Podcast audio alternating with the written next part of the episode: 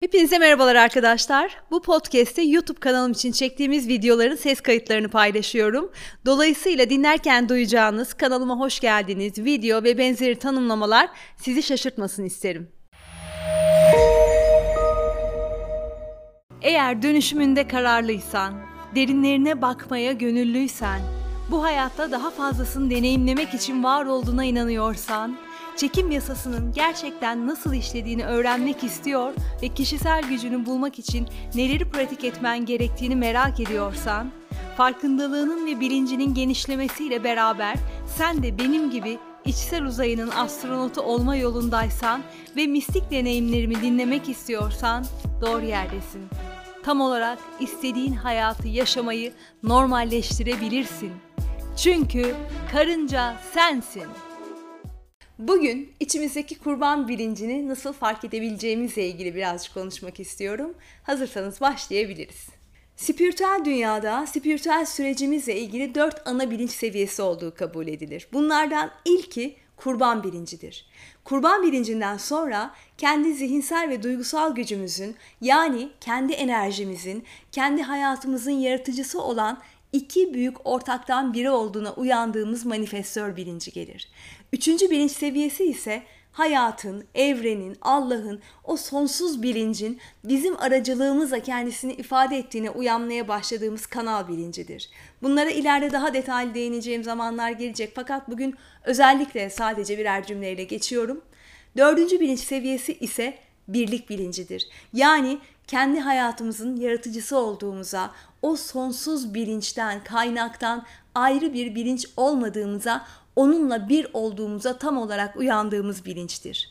Kurban bilincinin en önemli, en belirgin özelliği bize sürekli dışarıdan bir şeylerin olduğuna duyduğumuz güçlü inanıştır. Bu inanış kendisinin çoğu zaman bizim dışımızda gördüğümüz insanları, örneğin ebeveynlerimizi, patronumuzu, eşimizi, olayları, durumları, astrolojik haritamızı, dolunayı, gezegenleri, toplumu ve benzeri suçlayarak gösterir.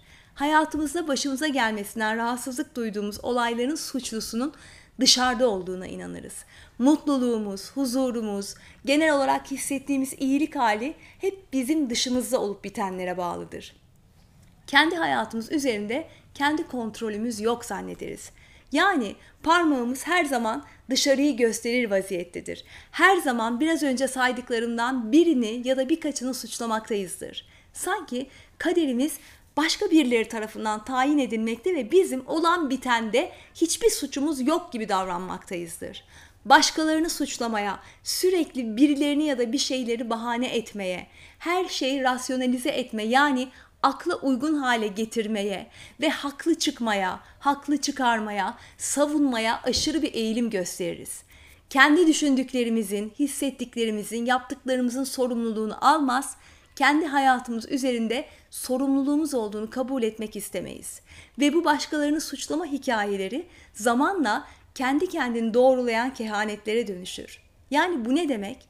Kendi enerjimizin, kendi tavrımızın, kendi düşüncelerimizin, kendi davranışlarımızın, kendi inanışlarımızın, kendi hayat deneyimlerimizi yarattığının farkında olmadığımızdan bir diğer deyişle bu deneyimleri bilinçsizce, farkındalıksızca yaratmaya devam ettiğimizden başımıza gelen her şey bu inanışlarımızı, bu kurban bilincimizi destekler hale gelir. İnandıkça yaratır, yarattıkça inanırız ve sonrasında da bakın görüyor musunuz tavrı içine gireriz. Kendinize şu soruyu sormanızı istiyorum arkadaşlar. Dikkatiniz nerede? Bu sorunun farkındalığını hayatımızın geneline yaymak önemli. Çünkü dikkatimiz neredeyse enerjimiz de oraya akar ve hayat bizim isteklerimize ya da dile getirdiğimiz ricalarımıza cevap vermez. Enerjimize cevap verir. Her zaman. Dikkatiniz çoğunlukla kusurda, eksiklikte, yoklukta, korkuda, yetersizlikte ise ki bunların o anki gerçekliğimizde yeri yoksa bile gelecekte bir zamanda başımıza geleceğinden devamlı endişe duyar haldeysek bilin bakalım hayatımıza nasıl e, insanları ya da nasıl hayat deneyimlerini çekmeye devam edeceğiz. Doğru bildiniz. Arkadaşlar, inandığımız bir yalan biz onu nötralize edinceye kadar bir yasa gibi davranır. refah içinde, bolluk bereket içindeki bir evrende, bir hayatta yaşamadığımız bir yalan. Sonu olmayan kaynağın bizi her zaman sınırsızca desteklemediği bir yalan.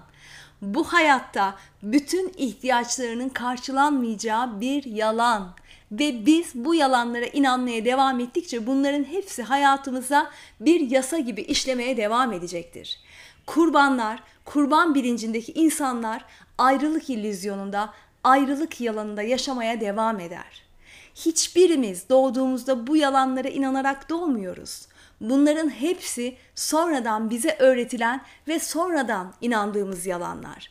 Mental olarak, zihinsel olarak programlanmamız doğumumuzla beraber başlıyor. İçine doğduğumuz ailemizin, bize bakım verenlerin, içinde yaşadığımız toplumun kısıtlamaları, görüşleri ve inanışlarını yine zaman içerisinde çoğunlukla sorgulamaya bile fırsat bulamadan bizimmiş gibi içselleştiriyoruz. Kısacası tüm bu saydıklarımla tabiri caizse damgalanıp o damgalarla beraber hayatta kalmak için mücadele etmeye başlıyoruz. Bu damgaların gerekliliklerini yerine getirebilmek için kendimizi bizden beklenildiğini düşündüğümüz şekilde kesip biçmeye, budamaya, belli kalıplara uymaya, aslında sığmadığımız yerlere bir şekilde sıkışmaya zorluyoruz. Ve işte bir noktada bazılarımız spiritüel pratiğimiz sayesinde önce bu damgalarımızın neler olduklarının farkına varmaya başlıyor. Sonra da o damgasız, orijinal halimizi bulabilmek için içsel bir çaba göstermeye başlıyoruz. Peki kendimizdeki bu kurban bilincini nasıl teşhis eder ve tanımlayabiliriz?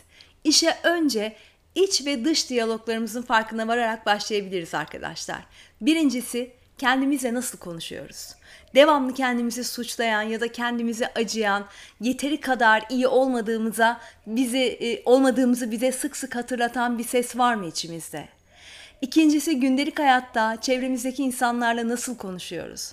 Şikayet etmek, yakınmak, şartları suçlamak bu diyalogların kaçta kaçını oluşturuyor? Sürekli başımıza gelen irli ufaklı kötü şeyleri çevrenizdekilere anlatma ve bu şekilde onların dikkatini çekme eğiliminiz var mı?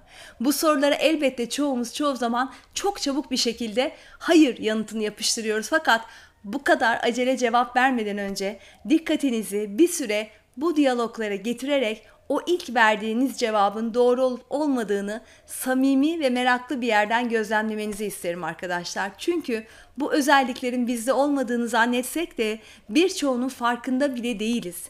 Eğer severek, coşkuyla yaşadığımız bir hayatımız olmadığını düşünüyorsak, sabahları yataktan kalkmak bile zor geliyorsa bu kendimizi çok daha farkındalıkla gözlemlememiz gerektiğine işarettir.